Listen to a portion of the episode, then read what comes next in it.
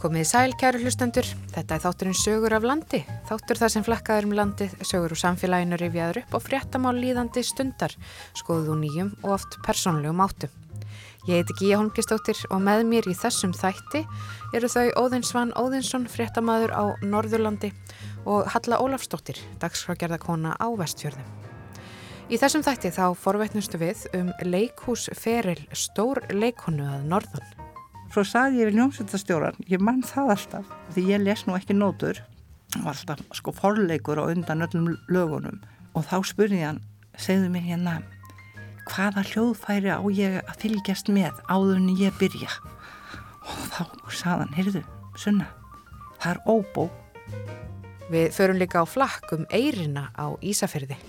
Þegar maður skoðar kort af Eirinni frá bara svona fyrir hluta 19. aldar að þá sér maður hvað, hvað landfyllingarnar eru gríðarlegar. En við byrjum í leikúslífinu á Akureyri en framundan hjá leikfélagi Akureyrar er síningin Skugga Svein, verk eftir þjóðskaldið Mattias Jokkumsson. Eitt af þekktum hlutverkum þessa verks er Grasa Gutta og leikonan sem mun fara með það hlutverk í þessari uppsetningu leikfélags Akureyrar er leikona sem stígur nú á svið atvinnuleikursins aftur eftir nokkurt hlje. Óðinsvann Óðinsson fréttamaður mælti sér mót við verðandi Grasa Guttu og forveitnaðist um feril hennar.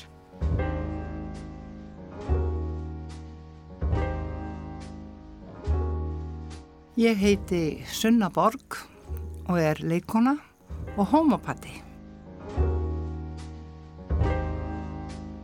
Leikona og, og homopati. Mm -hmm. Kanski byrjum við þess að því bara, hva, hvernig fer það saman? það fennir flott aldrei vel saman, skal ég segja. Nei, það var nú þannig að ég kom hinga 1979 og var beður um að koma hér bara í eitt ár og ég hef nú sagt þetta aldrei oft en góðvísa er aldrei oft hveðin en ég er samsagt hér enn og var fastráðan við leikvila aðkurðar og uh, svo var náttúrulega mikið að gera.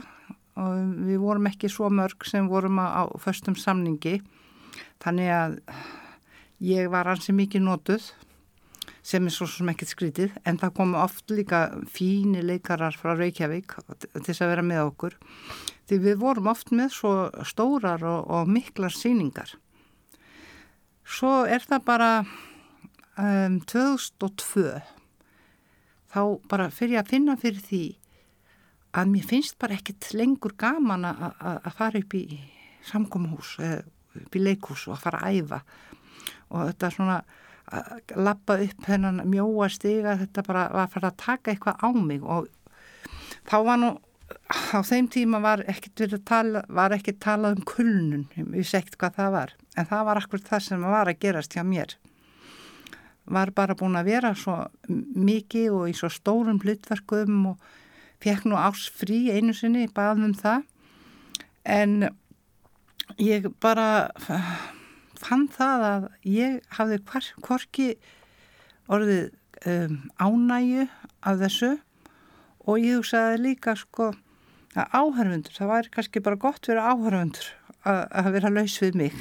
Svo ég sagði upp mínu fasta, fasta samning sem mörgum fannst náttúrulega ég bara, ég ekki alveg með fúli fem að gera það. En svo bara sá ég auglýst nám í homopatíu sem er, er eh, á íslensku smáskamtalagningar og eh, þegar ég var yngri þá svona, ég hef alltaf verið svona svolítið svona Florence Nightingale í mér og ég svo sem vissi ekkit hvað þetta var, þetta homopatíu, en einhvern veginn kvekti þetta svona, ég hugsa mér, þetta er eitthvað, eitthvað sniðut. Það hljómaði bara vel kannski? Já, það hljómaði bara vel. Svo ég hérna fer söður á kynningafund og var bara alveg samfærð að þetta væri akkurat eitthvað fyrir mig. Og ég innrýtta mig í þetta nám sem, sem þetta tók fjögur ár. Og þetta var sko á vegum Bresks skóla. Þannig að ég, ég var ekki allan tíman í Reykjavík heldur gæti ég alltaf farið bara um helgar og, og svona. Þannig að þess vegna er ég bara orðin homopati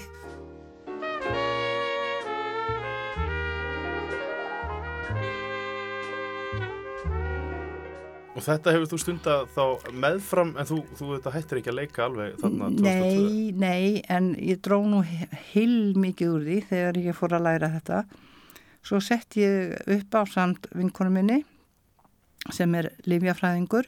Við settum upp uh, helsumiðstöð hérna á Akureyri og ég vann við þetta þar og hétt Orkulundur, heitir Orkulundur en ekki, hef dreigið mikið úr því að vinna við það núna. Það kemur alltaf eitthvað annað, annað í staðin og svo er ég náttúrulega búin að bralla heil mikið með henni sögu vinkonu minni, leikonu. Við erum búin að hérna, setja upp leikri til hlýðabæi og það var mjög skemmtilegt og svo, svo skrifaði hún stuttmynd saman og saman sem á að fara að sína núna á ringbraut um jólinn Svo það maður er búin að gera ímislegt og svo núna sem sagt þá er ég beðin um að taka að mér þetta hlutverk, grasagutu. Hún var ekki homopati en hún var sko, hún var grasalegnir. Þannig að þú ert homopati að leik, leika grasalegnir. Já og það, það, bara, það passa bara fínt. Það ekki. Jú.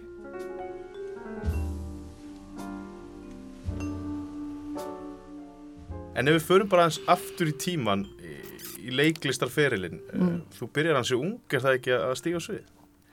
Jú, já, sko, ég ætlaði mér aldrei að fara út á þessa braut ég var stött hérna á Akureyri hjá móðu minni sem var þá búandi hér og var að hugsa um sína móður sem var orðin fjörgumul og ég ætlaði bara að vera hjá hennu yfir helgi og þá sagði hún bara við mig, já fyrst og nú komin hinga sögna mín, þá getur þú bara verið hérna hjá mér og, og ég fæ vinnu fyrir þig. Hjá honum Jóni Sólnes hérna út í banka hinn með við götuna. Í landsbókan? Já. Og ég, ég var sko var eiginlega búin að fá vinnu í Reykjavík. En svo ringdum bara Jón og, og hann sagði já, sendi stelpuna bara hinga hérna hinn með eða bara yfir götuna. Og ég var bara ráðinn á stundinni og var þá hér í tvö ár Svo er það bara einu sinni að ég er þannig bara á bókalsvílinni eða eitthvað og þá kemur hann að maður og spyr eftir mér og Ég vissi ekkert hvað maður þetta var, þá var þetta Jón Kristinsson, formaður leikfélags akkurar, þá var þetta ekki orðið atvinnuleikus og hann spyrir mig hvort ég væri ekki til ég að koma að leika með þeim og ég bara horfið á mannin og sagði, hvað, ég, ég, ég get það ekki, ég kann það ekki. Já, þú átt nú ætti til þess, sagði hann. Já, það getur vel verið, en, en, en hérna, svo, að ég svo hugsaði ég, ég var ný komin, þekkt ekki marga, kannski bara ekkit svo vittlust að prófa þetta. Og sló til og leg í nokkrum leikritum hérna. Um, þann fyrsta var Svítinjarms fjölskyldan það legi svona unga ástvagna stúlku og, og það, mér fannst það nú ekkit sérstakt. Svo kom bærin okkar með Jónas, Jónasinni og um, það var ansið stort og mikið hlutverk og það bara eitthvað gerist eitthvað að hugsaða mér og þetta er nú bara aldrei sniðut. Þú fórst alltaf inn bara svona kannski leita félagskap til að vera með? Já, innmitt og, og allir voru svo góðið við mig og, og hérna því ég vissi raunin ekkert hvað ég var að fara út í ekki neitt þó að flestar mínar sko föðursistur voru leikonur og amma mín, Stefania Gummistóttir, hún var náttúrulega fyrsti form á leikfélags Reykjavíkur en ég var ekkert búin að vera neitt að spekulur í þessu. Þetta interesseraði mig ekki neitt sérstaklega. En svo bara sem sagt þá hérna í þessu bænum okkar þá finn ég það að, að, að þetta nú ansið bröðsulega til þess að byrja með því leikstjóru var nú ekki ánaði með mig. Ég bara náði ekki þessu sem mann var að byggja mig um. Svo bara gerðist það góða við þetta, eitt kvöldið að það bara small allt saman og hann, þá bara klappaði hann út í sál og sagði, heyrðu, já, þannig er þetta komið, þannig er þetta komið. Bara fattaði leiklistin? Já, og þá svo sótti ég um leiklistaskólan, ég var kvettið þess og fór í hann uh, árun og eftir.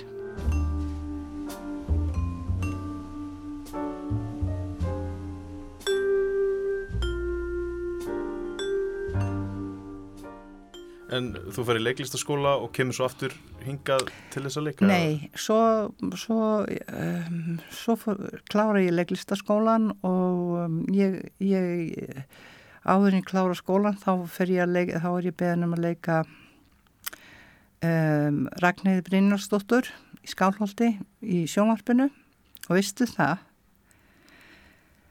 sko ég er ekki að monta mig en það er ótrúlegt að fólk er ennþá að tala um þetta, þessa síningu og það var sko 1970 sem við tókum það upp í sjónvarpinu. Kynum að rúm 50 ár? Nei. Og það er, það, er náttúrulega eldra fólk það mann þetta bara. Og svo hérna leki í, í, í þjólugursinu uh, í, í nokkrum fínum leiklutum en einhvern veginn fann ég mig ekki alveg nógu vel þar og sé svo einn eitt kvöldi því ég er að fara á æfingu sé ég auglistan rótaristyrk til Ameríku. Og áður ég veit að er ég bara búin að sækjum hann og ég fekk hann. Og fór þá uh, til Bandaríkjana í eitt ár við, við uh, leiklistaskóla þar eða leikús og, þurfti svo ég hef nú kannski ekki gert það ég vita hvað var ég vandum því að ég er ekki nema bara rétt nýkominn til, þetta var í Athens, Georgia, Suðuríkjónum, mjög heitt og ég þurfti að mæta svo í leikúsið á svona pröðu, svona træjátt fyrir leikrit sem átt að fara að setja upp í leikúsinu þar. Og ég hugsa með hvað er nú að, að láta mig fara í þetta? Nefna að ég hef beðin um að lesa þetta á móti ykkurum og ég geri það bara skjálfandi á beinunum. Svo er ég kölluð upp aftur. Svo er það búið fyrsta kvöldið. Og þá er vinsað úr við vorum eitthvað 100-150 manns. Hann var vinsað úr. Og mér til skelvingar þá sá ég að nafnum mitt var á listanum þannig ég þurfti að mæta aftur kvöldið og eftir. Og það tók nú ekki betur, betur við þá því þá var ég kölluð upp fyrst og ég var alltaf látin sko alltaf látin lesa sama hlutverki yfirlt var það þannig að það var verið að breyta til og svona. Og mér var nú bara ekki færð að lítast á blikuna svo þar maður að býða eftir, eftir hérna niðurstöð og fólki þarna, það sá náttúrulega, ég tekti ekki neitt og spurði hvort ég vil ekki koma með mér pítsu. Og ég held það nú, hafði aldrei á æfinni smakka pítsu, þá var það ekkert kominga til Íslands. Og ég gleymi því aldrei hvað mér fannst þetta ótrúlega gott. Og þá saði þarna einn til dæmis eða tvær konur eða, já, sem voru mikið líka prófaðar. Þú verður valinn, þú verður valinn sagði þar og ég sagði nei, það kemur ekki til greina þú ert miklu betri í þetta heldur en ég. Ég get þetta aldrei, sagði ég. Já, já, nefnum að svo var pítsuvislan pítsuvislun lokið og við förum að og þeir segja við mig, þú verður að koma með og sjá hvernig þetta lítur út. Og þá bara er nafni mitt efst á listanum og fyrir sko aðal hlutverkið og ég fekk tauga áfall ég bara, ég sko er nú ég grenja en ég fór að há grenja og sagði við leikstjónum þetta er bara no way, ég get þetta ekki. Og hann sagði heyrðu, það, við erum búin að taka ákvörðun þú átt að leika þetta. Og það gerði ekki til þó ég væri með smá það, ég hugsa að það hafi verið það sem að gerði svona Spennandi kannski.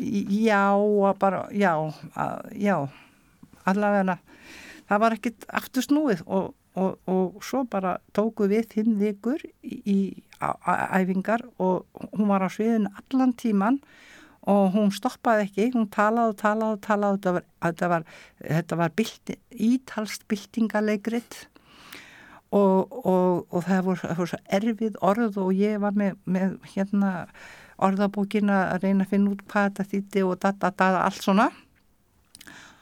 Og svo bara kom frunsinning og það eina sem ég man eftir þessu það var bara þegar ég neyði mig og fekk eitthvað blómvönd í, í lokin.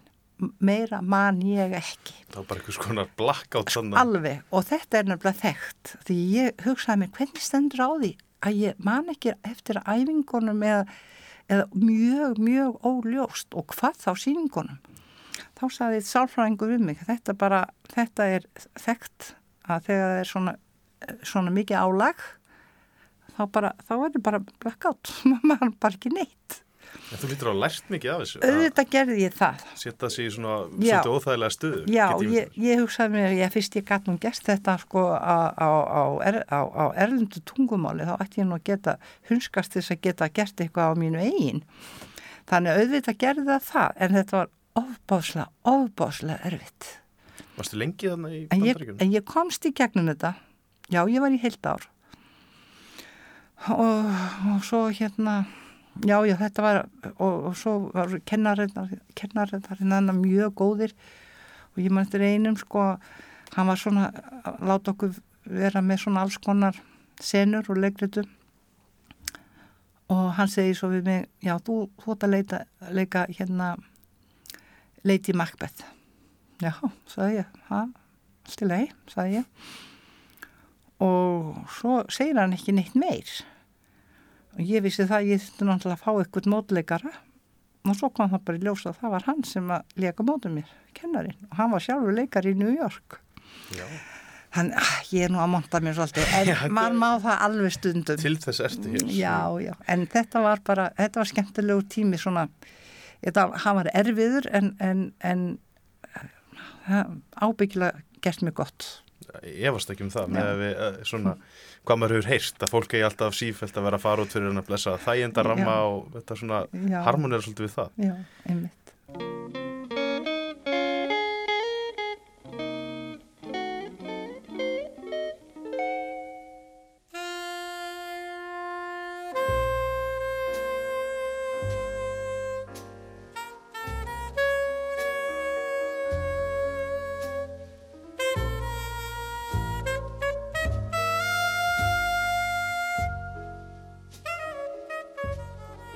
Þegar þú kemur heim, ferðu aftur í borgarleikusið eða Nei, nei, þjó, ég, var í þjó, Þjóðleikhúsið ég var aldrei leikið í borgarleikusinu. Nei, Við fórum að vísum sko nýri yðnú með, með bæin okkar, þetta leikrit sem að kveikti á öllu systeminni hjá mér. svona sem uppgötaði hvernig þetta gerir. Já, þá vorum við búin að koma með það í yðnum og það var mjög fínt. Nei, nei, svo bara, uh, svo leikið þarna og svo leikið náttúrulega eh, fræga hlutverk í lénari fóketa.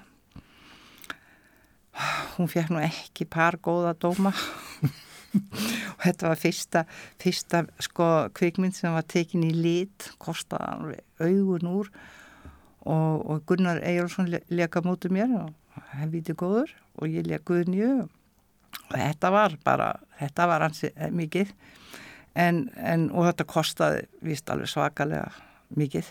En, en dómatni voru ekki ekki nýtt mjög hagstæði svona, ekki mér fannst mér það. Hvernig er að vera leikari og, opna blaðið og hérna, þú væntalega fengið bæði frábæra dóma og svo eins og þú segir, ekki sérstaka. já, Hver, hvernig, sko já. býr maður til einhvern skráp eða? Nei, ég sko ég les all, alltaf dóma, bæðum sjálfa mig og aðra. Og mér finnst það bara gott, maður læri bara heilmikið á því. Maður getur ekki allast til þess að allir séu ánæðið með mann. En svo þegar ég kem inga til Akureyrar og byrja að leika hvert stór hlutverkið að fætur öðru, það náttúrulega það, það var náttúrulega aðalæfingin. Og ég bara verði að segja það að ég fekk bara yfir bara mjög góða dóma. Þannig ég þurfti ekki að Þú hefur ekki verið vandamál. nei, það var það eiginlega ekki. En er það ekki gaman einmitt, bara akkurat auðvitað að, lesa góða dóma um sig? jú, Er það ekki eitthvað sem allir vilja? auðvita, auðvita sko sum, sumi segi, nei ég les aldrei dóma ég les aldrei dóma. En ég geri það, bæði mína eigin og annara mér Er finnst það skemmtilegt. Er ekki það fólk sem segir það kannski bara ekki að segja satt? Já, svo líka, það er allu gangur af því, en að, sko, það eru náttúrulega áhörfundur sem skipta mestu máli, þeir eru bestu dómararnir, finnst mér. Og, og ég held bara að akkuringar hafi bara verið nokkuð ánæðið með mig, ég verð nú bara að segja það. Það taka við þarna fjölmörg ár í leikúsinu og segir hvert stór hlutverki á fætur öru. Er Já. eitthvað sem stendur upp úr af þessum tíma í, alla? Eitthvað verk eða einhver, einhver karakter sem þú... Já, þetta var náttúrulega bara, það var svo ótrúlega bæði, sko, þetta var bæði grín og alvara og, og náttúrulega þráinn heitinn, vinnu minn, Karlsson, við leikum oft saman. Og við leikum hérna við leikum hérna, hvað hérna barpar, Já, já. nú, og það var sínt hérna út í höfðalíð og þar leikum við sem sagt 14 hlutverk, hann leik sjö og ég sjö.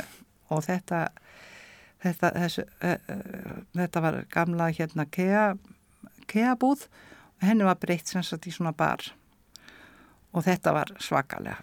Þó ég segi sjálf frá held ég mjög flott síning. allavega- 14 karakterar af ég sjö og hann sjö og þetta var, það var stúd fullt hvert einasta kvöld og við fórum svo á listaháttíð með þetta og, og við áttum bara held ég að vera með tvær síningarna, það var, það var bara aftur stúd fullt, þannig við, ég held að við hefum sínt ég, ég, og ég held með minnir að það eru bara tíu síningar sem við síndum í Reykjavík Af þessu verki. já, Þráin var nú svolítið svona, fylgdi þér svolítið í gegnum þessi ár hérna, þessi blóma ári ellaði það ekki? Já, hann var hindislegur, mikill vinnu minn og gott að leika mótunum.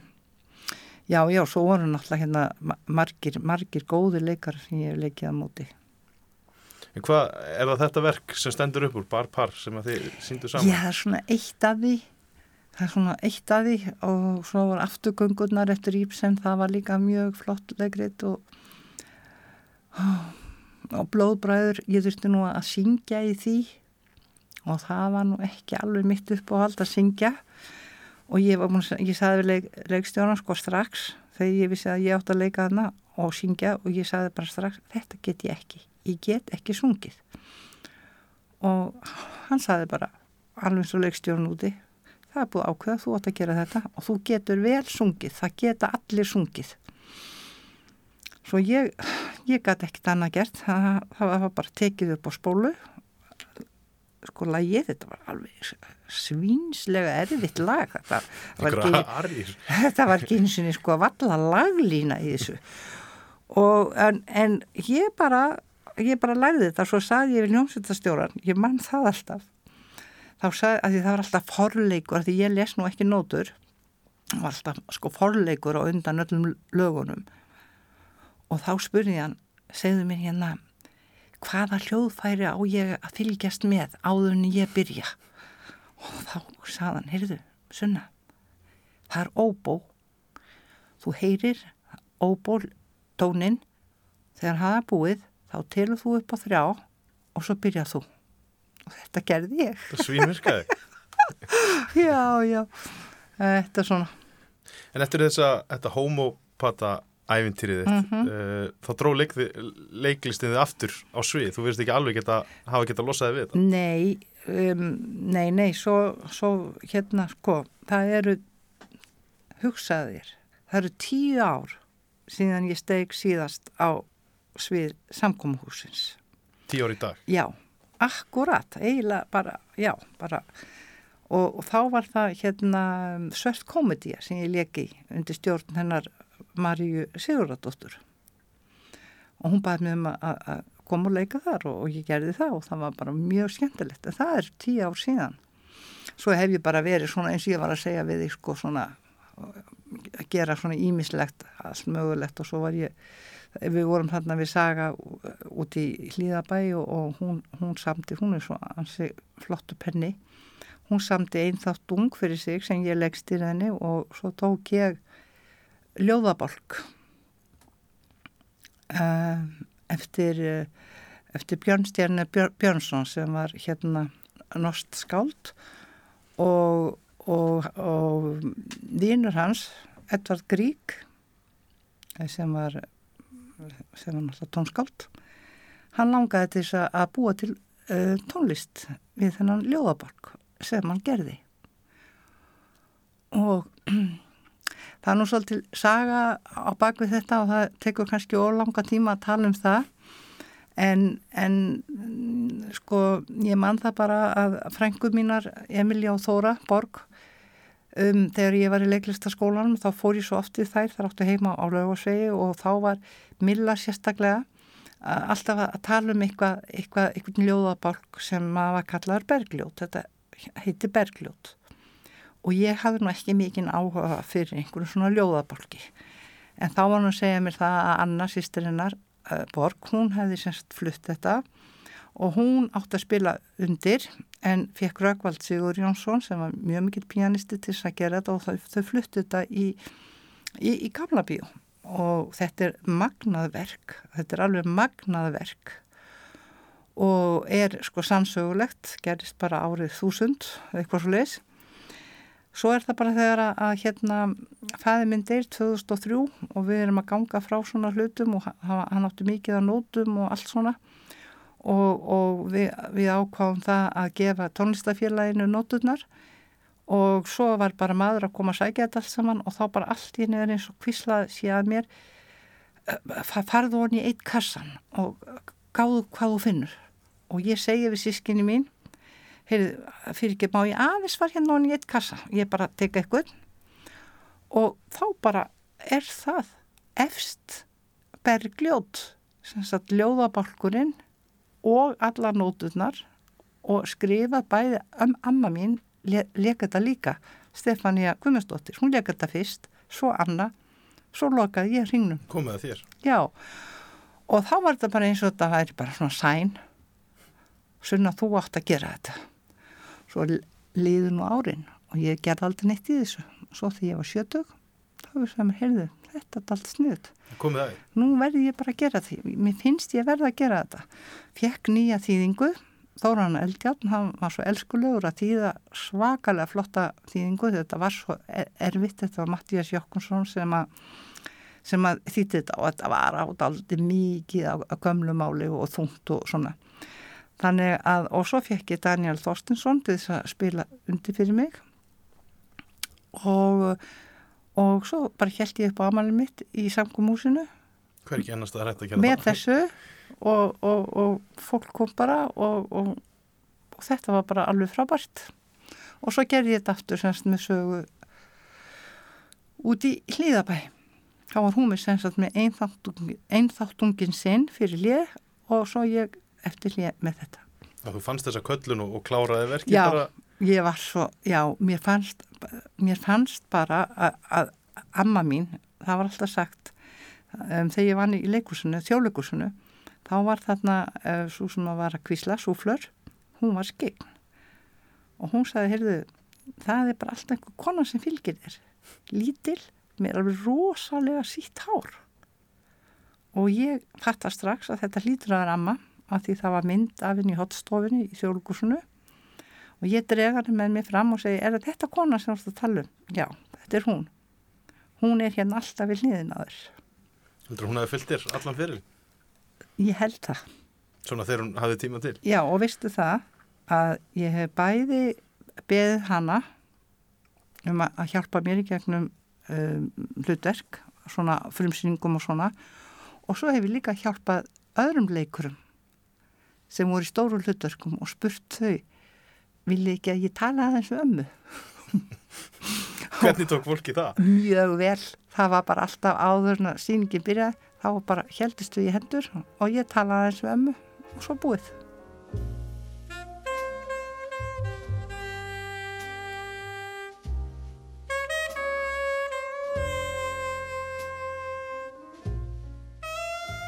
En þú ert ekki hægt að leika og núna bara ég rétt náði þér eftir mm. æfingu. Já. Hvað er það bara svo núna? Oh. Marta Nordar ringdi mér einhvern tíma núna um, síðsumars og spurðu hvort ég, væri til í að leika grasakut í skuggasvein sem það ætlaði að fara að setja upp og ég sagði bara strax já, takk Þú er ekkert að hugsa um? Nei, ekki í mínútu og vistu það, nú nýtti ég þess svo að fara á svið eins og ég var orðin þreytt hana fyrir tíu árun síðan eða hvaða hann var nei, meira að núna bara nýtti ég þess að koma på svið og, og ég ætla að reyna að standa mig eins vel og ég get. Æfingarna ganga vel? Já, þetta er frábært fólk sem stendur að þessar síningu og bara, já, ég, þetta á að frumsýna þetta um, um miðjan janúar, þannig að það nú tímið til stefnu, en það eins gott, þetta er viða mikil, mikil, mikil tónlist í þessu og, og það er þarna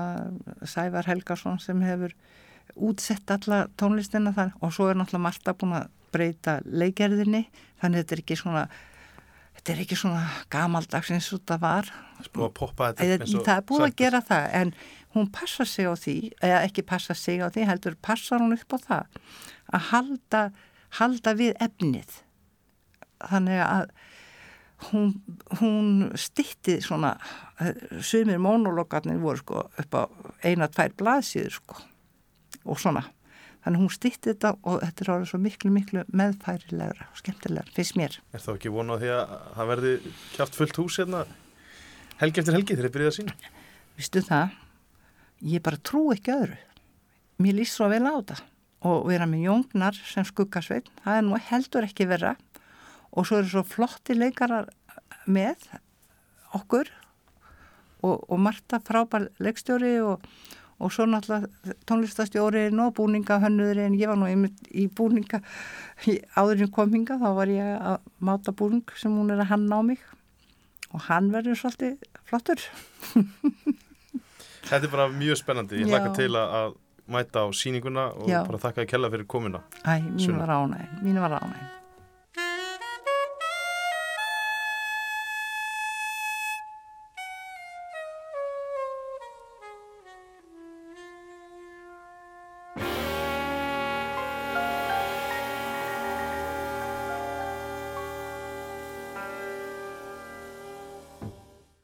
ánægn. Óðinsvann Óðinsson rætti við leikonuna og homopattan Sunnu Borg um feril hennar í leikúsinu og komandi verkefni. En hún mun fara með hlutverk Grasagötu í nýri uppsetningu leikfélags Akureyrar á verkinu Skuggasveini eftir þjóðskaldið Mattias Jokumsson. En næst er ferðinni heitið til Ísafjörðar. Ísafjörðabær óskaði á dögunum eftir aðtugasemdum vegna fyrirhugaðrar landfyllingar við norðanverða Eirina á Ísafjörði. Óska er eftir aðtugasemdum við skipulagslýsingu sem er fyrsta skref ný skipulags. Hugmyndin að landfyllingunni er tilkomin vegna hafnarfrangvenda sem nú standa yfir á Ísafjörði því þar fellur til mikið efni. Og markmiðið með landfyllingunni og skipulagsbreytingunni er því að nýta þetta efni til að auka byggingarland á Ísafjörði. Og landfyllingar á eirinni eru ekki nýjar af nálinni. Stór hluti eirarinnar á Ísafjörði er landfylling og upprunulega eirin er aðeins brota brot af eirinni í dag. Halla Ólastóttir, dagsfakgerðarkona á Ísafjörði, hitti sagfræðing og forstöðukonu byggðasaps vestfjörða og forvitnaðist um sögu eirarinnar á Ísafjörði. Já, ég heiti Jóna Simónia Bjarnadóttir. Við erum stattar í neðsta kaupstað á Ísafjörði og nánar tiltekið eiginlega bara í gömlu fjörunni, akkur það sem við stöndum núna. Þessi hús sem við horfum á, þetta eru mjög einkennandi hús fyrir Ísafjörð, þetta eru mjög gömul hús. Hvernig voru þessi hús byggð og, og hvernig var þá umhráf sér? Þú segir að hér var fjara. Já, sko þetta eru hús sem eru byggð á átjóndöld. Það elsta þeirra er frá um 1760 og yngsta uh, 1784. Og á þeim tíma þá er eirin náttúrulega bara í sínu svona upprunalega horfi, löng og mjó og mjög mjótt einmitt hér niður frá. Það var í rauninni bara svona mjór uh, sjávarkampur sem að lá hérna það sem að núna er skipasmiðastöðun og það. Þannig að hérna við stöndum akkurat einmitt í fjörunni að því að, að bara þar til fyrir bara nokkrum árum, mm -hmm. segir sagfræðingurinn, gætu við, sem við náttúrulega áratýr, en þá var það þannig að, að tjöruhúsið sem að, að við sjáum hérna, það var bara við fjöruna Já. og á þessum tíma sem að, að vestlandnar eru hérna þá er samt sko þá er þetta plan sem við erum að horfum á hérna sko það var fiskbreiðsla sem að náði svo hérna upp eftir eirina þessum hún er aðeins breiðari en, en eh, eins og ég segi annars var hér bara fjara niður úr Já. Var fjaran eiginlega beggja megin við þessu hús? Já, Þa- þau- stóðu bara á þessari svona mjóu eiri. Það sem að gerist svo er að, að veslaninnar hérna komu bryggju Mm eins og alla veslanir gerðu og þá byggðist upp pollmegin hér svona bólverk. Það sem að bryggjan svo kom og smátt og smátt svona stækka þá var komið fyrir öðrum húsum Já. En þessi hús, stóðu þá svolítið sér á þessum tíma? Eh, Var byggðin hér líka? Nei, þau í rauninni standa sér sko því að það er svolítið skemmtilt við Ísafjörð að hann byggist upp sem þrýr kaupstæðir. Mm -hmm. Það sé að hér er elsti hlutin fyrir utan prestsetrið Eyri sem var hérna á Eirartúni að, að þá er hér byggðin í neðsta kaupstað þar sem að þetta byrjar allt saman.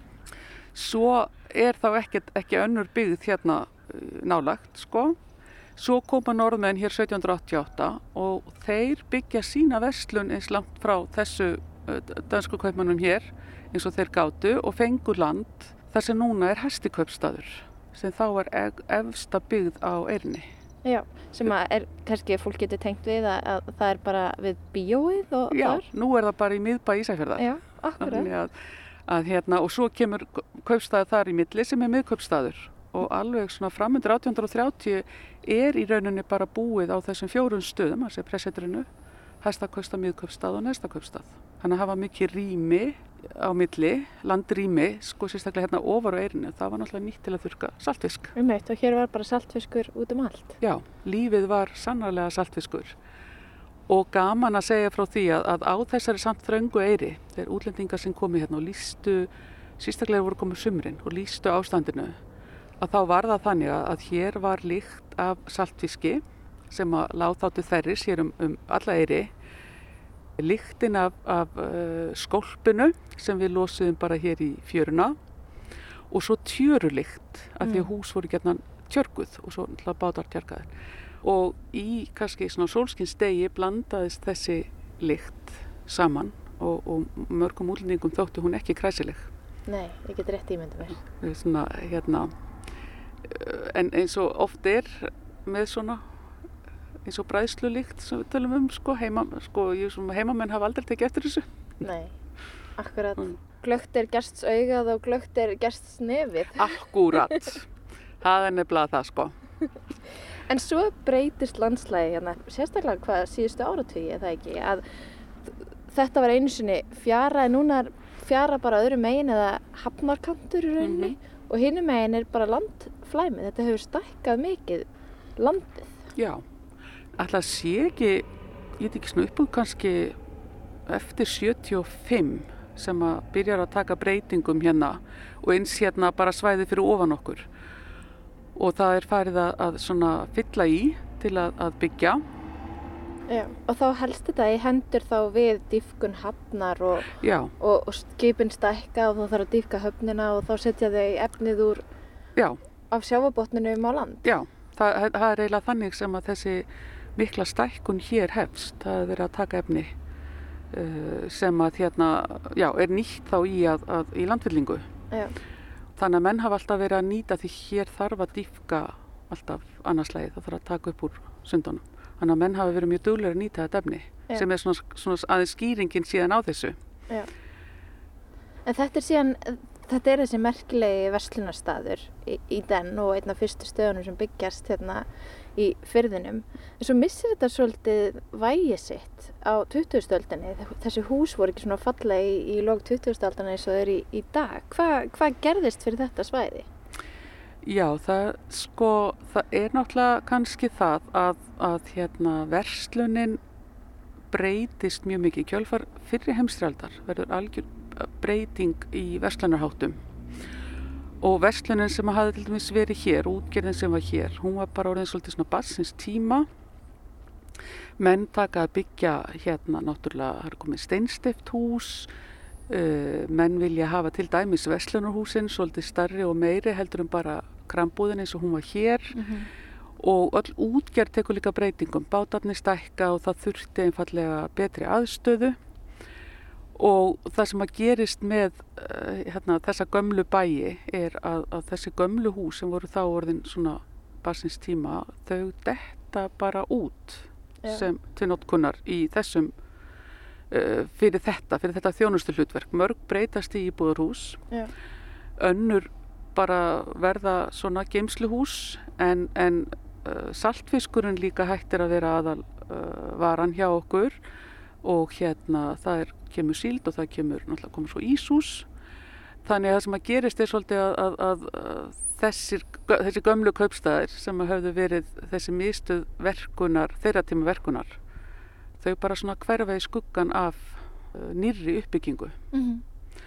og maður sér það svolítið einmitt hér, það er svolítið gaman hérna í næsta kosta því hér er síðan stór fristigemsla alveg í nákvæmni við okkur Já. sem sýnir akkurat þessa þróun Einmitt. Það eru anstæðinar. já, Já. Hvenær fá síðan þessi hús uppreist æru? sko það má segja það sé 1975 þegar ákveðið að friða húsin hér í neðsta Já. þá, hérna, og það gerir bærin nota bene að þá var búið að rýfa talsvert af þeim húsum sem hér stóðu þau Mhm. voru talsvert fleiri heldur en þau sem er hér núna og hérna menn voru náttúrulega svolítið að taka til það tilherir líka tímanum að, að, og ég hef heyrt það sagt að fyrir al- ammæli kaupstæðinins 1966 þá tóku menn svolítið duglega til sem fólst í að taka einmitt þessi elstu hús uh, hérna upp í bæ uh, sem voru fann kannski að líta í lút eða þóttu bara alls ekki bænum til príði en 75 þá svona má segja að það verði þessi vendipunktur og svo svona uh, upp úr 8-10 fara menn að huga því að, að gera húsin upp. Og þegar það er ákveða sjóminjasafn eða sjóminja deild byðasafnsins fari hérna í turnhúsið að þá verður líka svona, segja, mikil breyting á kaupstanum kemur svona lífi hann aftur með því að, að safnið kemur. Já. Ísafjörður á nú kannski nokkur hjörtu mm og þetta er svona eitt af hjörtum Ísafjörðar. Já, má segja það og hér, það er hérna í rauninni sem er svolítið líka áhugavert í samt byggða þróunina Mhm. það er að, að uh, þetta næstu kosta var alltaf svona út úr og langt að fara og bara lengi vel og hérna eftir að safni kom hér þá var mjög lítil umferð annar en það sem tengdist bara höfninni Mhm. núna eru við orðin svolítið miðbær það er að segja hér er hérna er fólk á ferð suma sem vetur Já. í ymsum tilgangi og það er svolítið skemmtilegt og maður, svona, þetta er bara svona sem ég tekið eftir svona síðasta áratug Já. og það hefur náttúrulega líka breytt miklu hér að það er hafnakanturinn er, hérna, uh, með, samt með skemmtifæraskipin Einmitt. nú koma þau hér bara í nágrunum okkur Já. Og svo veturnar er háskólasetri. og svo er háskóla, já, svo er háskólasetri hérna alveg við þannig að allt í einu eru við orðin svolítið svona, já, svolítið miðbær Mm Akkurat. En svona var þetta á átjóndöld, þetta var svona miðbærið þá og náttúrulega orðin aftur núna en það hefur ímislegt þróst og breyst á þessum tíma og það var gaman að lappa hérna eins og, og skoða fleiri staði sem voru hreinlega ekki til e, áður fyrr og eru svona e, nýjir, nýtt land hérna á Mhm, Ísafjörði. Ef ekki að- jú. að lappa stað? Jú, gerum það Jæja, Jóna, nú erum við komin hérna niður að kampar, ekki verksmiðinni og hér fyrir framann okkur er sundstræti. mm Ef við myndum bera eirina saman við fót þá væri þetta svona eins og ylinn, -hmm. Akkurat, en það ekki? jú, jú Hér mætast hvað, landfylling og, og gamla eirin. Já, góð. Við erum á mörgum uh, svolítið uh, skemmtileg svæði sem er annars vegar dokkan Já, sem er hérna í raun fyrir neðan okkur þar sem að skipa dokkan var mm og sem er svo fyllt upp í og allar þessar skúrar og hjallar og það stóðu. Og svo bakkana sem er sundstrætið já, og uh, fjó, fólk bjósan sem ekki endur við sundstræti heldur á bökkunum og þá er fjaran bara hinum megin við húsin liggur upp á bökkunum. liggur upp á bökkunum Mhm. og svo er sett hérna svona pínu bólverk við það er náttúrulega þurfti líka uh, að verjast afgangi sjáar Mhm. en síðar kemur svo til að, að, hérna, að það er sem fyllt undir og þessi nýju hús koma hinum megin við götuna. Já, og, og er, hún er svolítið skemmtilega því leitin hefur maður fyrir hana að það er einmitt hvernig þessi hús sem, þessi nýju hús sem samt eru núna orðin einmitt gömul og, og hafa alveg enginandi stíl uh, hvernig þau sem, sem eru alveg ráðandi öðrum megin og síðan þessi gömlu láreistu hús hinum megin þau eru flest svona frá því kringum aldamótin eða fljótlega eftir aldamót Já, þeir mætast svona nýju og, gamli tímin eitthvað leiti. Já, það má segja að, að hérna sé svona uppbyggingin sem verður upp úr 60. Já. Hún kemur hér svolítið fram gagvart gálubiðinni. Akkurat. Að því svo kemur náttúrulega norðutangin sem er svolítið svona hellin á, á erinni og svo er líka uppbygging þar sem í þessum nýju fristihúsum sem er þar koma. Þannig á endanum þá er stór hluti eirarinnar í dag landfylling. Það má segja það, maður skoðar kort af veirinni frá bara svona fyrir hluta 19. aldar að þá sér maður hvað, hvað landfyllingarnar eru gríðarlegar Já. og bara eitt sem að ég held að margir kannski spá ekki í dag er til dæmis Tornesið, Mhm. það sem að nýja sjúkrahúsið er, Eyri og alveg inn með að, Mentaskólinn. sem að eru á svona fyllingum og skuddilsfjörðabrautin alltaf fylling. En Tornesi til dæmis það var alveg sjór upp að hafnastræti þegar ég er allast upp. Já. Hann náði alveg upp að hafnastrætinu og alveg upp í sko nánast blómagarðin. Já, akkurat. Og svo kom Tornesi svona aðeins út sko en það hefur stækkað margfalt. Þá upplifir maður svolítið eins og þetta sé uh, næstu því bara helmingur af eirinni, jafnvel meira, sem er nýtt Já, land. Ég hugsa að það sé alveg hægt að segja það, það sé allavega helmingur af, af núverandi eiri Já. sem er nýtt land. Miða við, svona sem, uh, ef maður berða saman við þennan tíma. Það hefur náttúrulega gerst smátt og smátt, en, en sannarlega hefur bærin stækkað um, um helming Já, af byggingar, eða landi, sem sé. einmitt. Og bara frá, sko, mínum tíma, um, þú veist, þá hefur það tekið ótrúlega miklum breytingum. En það sem að, að maður fyrir svolítið að gefa gaum þegar maður fyrir að hugsa um þetta svæði sem eh, að miklu leiti landfyllingu, að eitt einkenni hennar er fjöruleysið. Það Já. er í rauninni engin fjara á eirin út af því að hér eru rauninni grjótgarðar sem marka útlínur eirarinnar, ekki Já, satt? Jú, og það er náttúrulega það sem að gerist er að, að við þessa landfyllingu þá hverfa fjörurnar sem að hér voru annars allt umleikjandi. Uh, Svo er svolítið eh, skemmtilegt að sjá hérna við fjörðastrætið, þar sem að var síðan sett hérna gerð grjótvörn og fyllt aðeins í, að þar tók síðan á síðustu árum hefur myndast þar ný fjara. Já, og til að útskjöra hvar fjarastræti er svona miða við Já, fótinn, þá er Mhm. það, hvað, það er svona hásininn. já, hún má segja það. Já, og hérna og er sem sem uh, nýsta fjárhastætti sem sem nýsta strætið á tanganum. Og hérna það er svolítið bara hefur verið gaman að fylgjast með því hvernig svo fjara hefur verið að myndast Já, og þeir sem leku sér í fjörunni þarna í gamla daga eru, eru svona afturfarnar að geta leikið sér jafnvel Já. með sínum börnum og barnabörnum. já, akkurat Aftur í fjörunni. já. Akkurat. og svo var sko, þú veist, en, en allar aðrar fjörur öll, öll fjaran sem var í rauninni hérna í mitt við um, Tornesið eða sko þar tala nú ekki um fjörurnar hérna niður í Suðutanga sem voru drauma fjörur, ég menna púkar úr efri bænum lögð á sig að fara allar niður í neðsta til að fara í fjörurnar þar þær eru alveg, núna alveg hornar Einmitt. Og þá í rauninni erum við komin í ákveðin ring því að núna er ennþá vera, er verið að spá í hvort það eigi að stækka eirina ennþá meira. mm Og, og þá, það er þá kostnað þessara fjöru. Já, sem að gerir það mál einmitt kannski svolítið hérna uh, tilfinningamál. tilfinningamál, já, og, og ég hef mikið skilning á því sko. Nú er í rauninni fyrsta sinn líka að fara að stækka eirina svo um munar til norðus. Já. Eitt af einkennum byggðarinnar er sko þegar þú lappar hérna úr elsta hlutanum og ferð upp í þvergutunar. Tekur eftir eitt af því sem einkennir þar er að það er líka svona þvert yfir eirinu og það er svolítið opið í báðar áttir. Það hefur aldrei komið heilstað byggð fyrir endan á þessum þvergutum. Mhm. Það er svona eh, þessi stöku hús við fjárðastrætið en, en hérna með þessu, ef að, ef að þessi mikla landfylling kemur uh, og menn fara að byggja þar, þá breytur líka mjög ásýnd eirarinnar hvað þetta til dæmis varðar Já.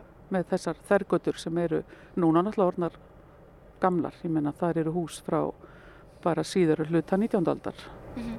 Þannig að þetta er stór skiplarsbreyting sem myndi hafa viðtæk áhrif. Já, það er það sko, bara svona og maður hugsar bara úti í þróum bæjarins og, og, og ég er náttúrulega alltaf hugsa um söguna Já. og bara svona sögulega séð er þetta mjög hérna er þetta mjög merkilegur maður getur orðað þannig áfangi sko hvað þetta varðar alveg eins og þegar að menn hefja fyrir alvöru landfyllingar niður á Suðutanga sem var líka í þessu felst alveg gríðarlega mikil breyting á, á erinni og svo verður gaman að vita sko ef að þetta verður eins og með þessa landfyllingu um, að hún kemur um, sumir segja að með tímanum komi til maður að myndast ný fjara og út af henni. Og hérna, hann er þetta er svona já, það er margt áhugavert í þessu. Gaman að að spegla svona nútíman í, í sögunni. já, Þakka þið kærlega fyrir spjallið Jóna Símonía. já, takk sem er leiðis Og á þessum nótum er komið að lokum í sögum á landi í dag. Viðmælendur í þættinu voru þær Sunna Borg, leikona og homopati og nú síðast var rætt við Jónu Símoníu Bjarnadóttur, sagfræng og fórstuðukonu byðasaps Vestfjörða. Og við minnum á að þennan þátt og eldri þætti af sögum á landi má nálgast inn á spilara rúf og öllum helstu hlaðvarpsveitum. Við þökkum þeim sem hlýtu, lifið heil.